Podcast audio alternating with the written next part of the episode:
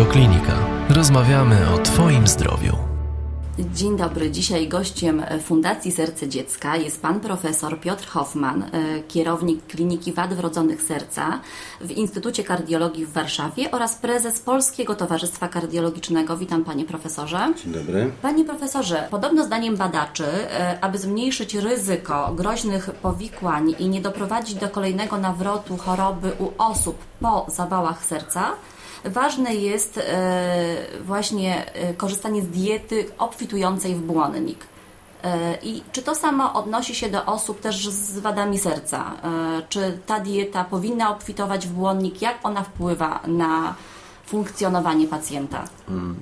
Znaczy w kardiologii dorosłych dieta jest integralną częścią terapii bardzo wielu chorób. Przede wszystkim o diecie mówimy wtedy, kiedy zachęcamy pacjentów do podtrzymania zdrowia, czyli mówimy o prewencji e, czy też profilaktyce pierwotnej chorób sercowo-naczyniowych, myśląc o chorobach e, związanych z miażdżycą. I to jest rzeczywiście niezwykle ważne. Mówimy także o tym e, w ramach profilaktyki wtórnej, czyli po zdiagnozowaniu choroby chodzi o to, żeby zmniejszyć tempo rozwoju, poprawić rokowanie, poprawić jakość życia. I rzeczywiście zwracamy ogromną uwagę na e, dietę, dlatego że mm, dieta przyczynia się w znacznym stopniu do rozwoju zaburzeń lipidowych, zaburzeń gospodarki cukrowej.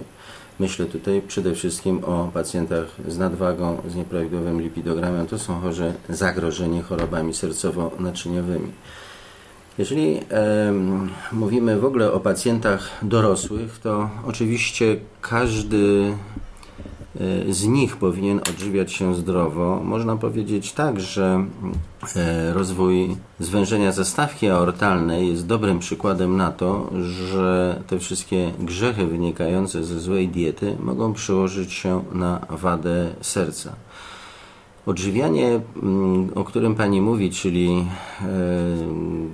zawierający błonnik, e, dieta bogato-resztkowa jest dietą zdecydowanie preferowaną, nie tylko w kardiologii, ale także u chorych gastrologicznych, e, choćby wspomnieć, że tego typu dieta zmniejsza ryzyko rozwoju polipowatości jelita, uchyłkowatości jelita, czyli mm, dwóch bardzo nieprzyjemnych patologii e, także jest zalecana u wielu pacjentów z jelitem drażliwym. Innymi słowy, wpływ na yy, pogorszenie się pacjenta z wadą serca, yy, taki prost, dający się prosto wywieść, yy, nie będzie jednoznaczny. Natomiast patrząc na zdrowie pacjenta, czyli pacjenta, który na przykład ma wadę serca, chodzi o to, żeby nie chorował na inne choroby cywilizacyjne, no jest jednoznacznie pozytywny czy to mamy się koncentrować wyłącznie na błonniku? No jest to element diety, prawda? Bo musimy pamiętać również o ograniczeniu węglowodanów, o tym, żeby mm, dominowały tłuszcze nienasycone. Innymi słowy, musimy stosować całą dietę wszystkie zachowania prozdrowotne, więc nie palić papierosów również, nie prowadzić aktywny tryb życia, mm, umieć radzić sobie ze stresem. Teraz mówimy także o zanieczyszczeniu powietrza jako czynniku ryzyka. Innymi słowy, dieta jest bardzo istotnym elementem tego e, prozdrowotnego zachowania, które preferujemy w kardiologii. A mówiąc jeszcze wracając do e, właśnie błonnika, e, do pieczywa, bo teraz też są różne zdania są podzielone zdania. Jeść chleb, nie jeść chleba, czy wybierać pieczywo pełnoziarniste. Jest teraz moda na wszelkiego rodzaju diety bezglutenowe, eliminację pszenicy. Tak? I jak pan profesor do, na to się zapatruje? Na pewno, mm, jeśli chodzi o pieczywo, to y, kardiolodzy preferują właśnie bogato-resztkowe z błonnikiem ciemne pieczywo. I to mm, jest częścią diety, którą my pacjentom zalecamy. Co do diety bezglutenowej, czy też y, innych, o których y, dowiaduje się bardziej z magazynów celebryckich niż z mm, artykułów naukowych, nie mam zdania. No też musimy wiedzieć, że jedzenie jest częścią naszej kultury, jest to mm, jakaś przyjemność, a więc, a więc też musimy pamiętać nie tylko o tych czynnikach rokowniczych, ale także o jakości życia i nie możemy poświęcać jakości życia dla no, niepewnych efektów. Myślę tutaj o właśnie diecie bezglutenowej. Natomiast um, musimy pamiętać też o proporcjach, o objętościach posiłków, o ich kaloryczności, także warto czasem się zmierzyć w pasie, zważyć i wiedzieć, jak, to, jak, jak, jak wyglądamy tutaj, jeśli chodzi o takie proste mm, wskaźniki, które mają swoje bardzo konkretne przełożenia rokownicze.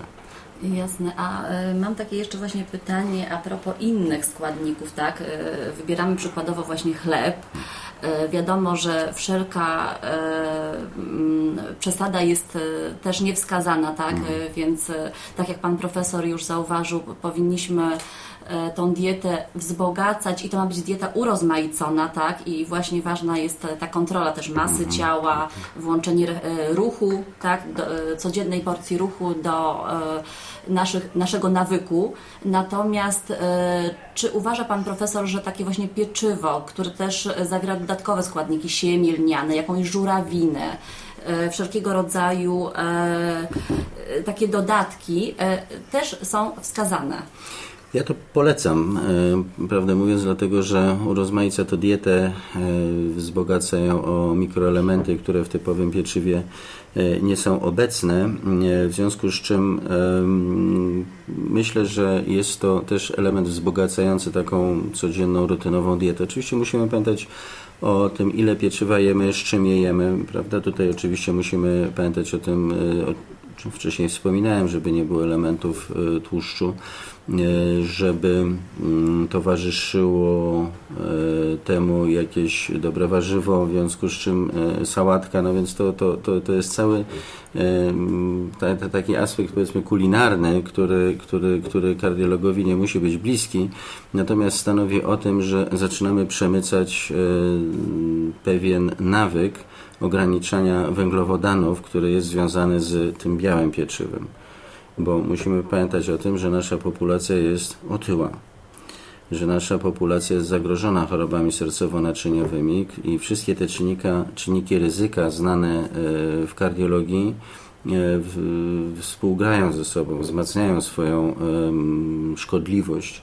W związku z czym, jeżeli mówimy tutaj o o, o, o diecie, no właśnie, która jest y, przesadnie kaloryczna, która jest zbyt obfita, to mówimy tutaj o zespole metabolicznym, o otyłości, o nadwadze i otyłości. Mówimy o tym, że y, jest to dieta, która promuje rozwój cukrzycy typu drugiego, to jest y, problem nieprawidłowego cholesterolu w Polsce, a jest to problem dwóch trzecich populacji dorosłej. To jest ogromnie rozprzestrzeniona sprawa. Z kolei otyłość, no to jest problem naciśnienia tętniczego. No to znowu kolejne 12-14 milionów osób w Polsce. Także ten taki, nie chcę powiedzieć błahy, ale wydawałoby się no niezbyt wyszukany sposób interwencji w ramach profilaktyki pierwotnej ma swoje bardzo konkretne przełożenia zarówno na wzrost liczby pacjentów z chorobami serca. Przy dobrej kontroli to się e, udaje po latach uzyskać redukcję liczby pacjentów e, chorych na serce i, i, i choroby tętnic, także, czyli miażdżycę. Także są to mm, rzeczy, no właśnie pozornie błahe, natomiast wydaje mi się, że trzeba w sposób indywidualny, mm, pacjent powinien sobie no, wybrać te, ten sposób odżywiania, który lubi, e, czyli właśnie pieczywo, czy z dodatkami, czy bez, no nie ma to kluczowego znaczenia. My nie możemy być niewolnikami jakichś takich prostych decyzji, które e, w rezultacie uniemożliwią nam zjedzenie czegokolwiek. Natomiast chodzi o to, żeby mm, w e, zakresie tego, co nazywamy zdrowym odżywianiem, wybrać sobie taką dietę, która będzie nas satysfakcjonować zarówno od strony smaku, jak i jakości, e, no i redukcji ryzyka e, rozwoju choroby sercowo-naczyniowej. Także to się da zrobić oczywiście, bo są kraje, które w jakimś momencie podjęły decyzję właśnie o edukacji, e, podjęły decyzję o umożliwianiu społeczeństwu dobrego wyboru E, jeśli chodzi o styl życia i w tych krajach odniesiono sukces, jeśli chodzi o obniżenie ryzyka sercowo-naczyniowego, chociażby przykładem jest tutaj Skandynawia. Także mm, są to działania, które ze wszech miar są opłacalne, zarówno w skali mikro, czyli możemy każdego pacjenta przekonywać, że zyska na tym wiele, i także w skali makro, a więc no chociażby nakładów na służbę zdrowia. Nakłady poniesione na prewencję, na edukację zwracają się po latach, ale zwracają się w sposób bardzo konkretny. No właśnie, ta edukacja jest właśnie przede wszystkim istotna u osób, u dzieci z wadami serca, kiedy takie dziecko no, ma tą wrodzoną wadę serca i ma, jest całe swoje życie pod opieką kardiologa i otyłość, nadciśnienie, dodatkowe jeszcze aspekty, które mogą dojść w wyniku nieprawidłowego też między innymi odżywiania, braku ruchu, pogarszają rokowania takiego małego pacjenta. Także to kształtowanie pozytywnych nawyków, dobrych nawyków już w okresie dziecię, dziecięcym I jest, jest I to jest bardzo ważne. Oczywiście Pani ma, Pani ma rację, dlatego że my już jesteśmy na etapie, kiedy bardzo rośnie nam populacja dorosłych z wadą serca. I teraz wyrobienie nawyków u dzieci dotyczących no chociażby właśnie aktywności fizycznej, dotyczących odpowiedniego odżywiania spowoduje, że ci pacjenci będą się czuli lepiej nie tylko dlatego, że nie będą mieli miażdżycy czy też jej powikłań, ale także prawidłowa masa sprzyja prawidłowemu funkcjonowaniu układu krążenia. Tam, gdzie jest nadwaga, tam, gdzie jest nadmiar tkanki tłuszczowej, musi być większa objętość krwi krążącej. Tak jest po to, bo no, jest jakby więcej kilogramów do obsłużenia, mówiąc kolokwialnie. Serce zatem musi wykonywać większą pracę. To serce, które jest uszkodzone po operacji, nawet najlepszej, nawet operacji, która jest z punktu widzenia kardiochirurga wykonana perfekcyjnie, to nie jest to serce prawidłowe. Dodatkowo tkanka tłuszczowa to jest fabryka różnego rodzaju toksycznych substancji, toksycznych w rozumieniu chociażby czynników prozapalnych, które uszkadzają na wczesnym etapie naczynie i promują rozwój miażdżycy. Są to czynniki, które również prowadzą do nadciśnienia tętniczego, które znowu zaczyna uszkadzać serce, które, jak wspomniałem, jest uszkodzone po zabiegu operacyjnym. Także jest to część integralna opieki pooperacyjnej u dzieci i młodocianych z wrodzoną wadą serca. Gościem Fundacji Serce Dziecka był pan profesor Piotr Hoffman, kierownik Kliniki Wad Wrodzonych Serca w Instytucie Kardiologii w Warszawie oraz prezes Polskiego Towarzystwa Kardiologicznego. Dziękujemy. Dziękuję bardzo. Więcej audycji na stronie radioklinika.pl i w naszej aplikacji mobilnej.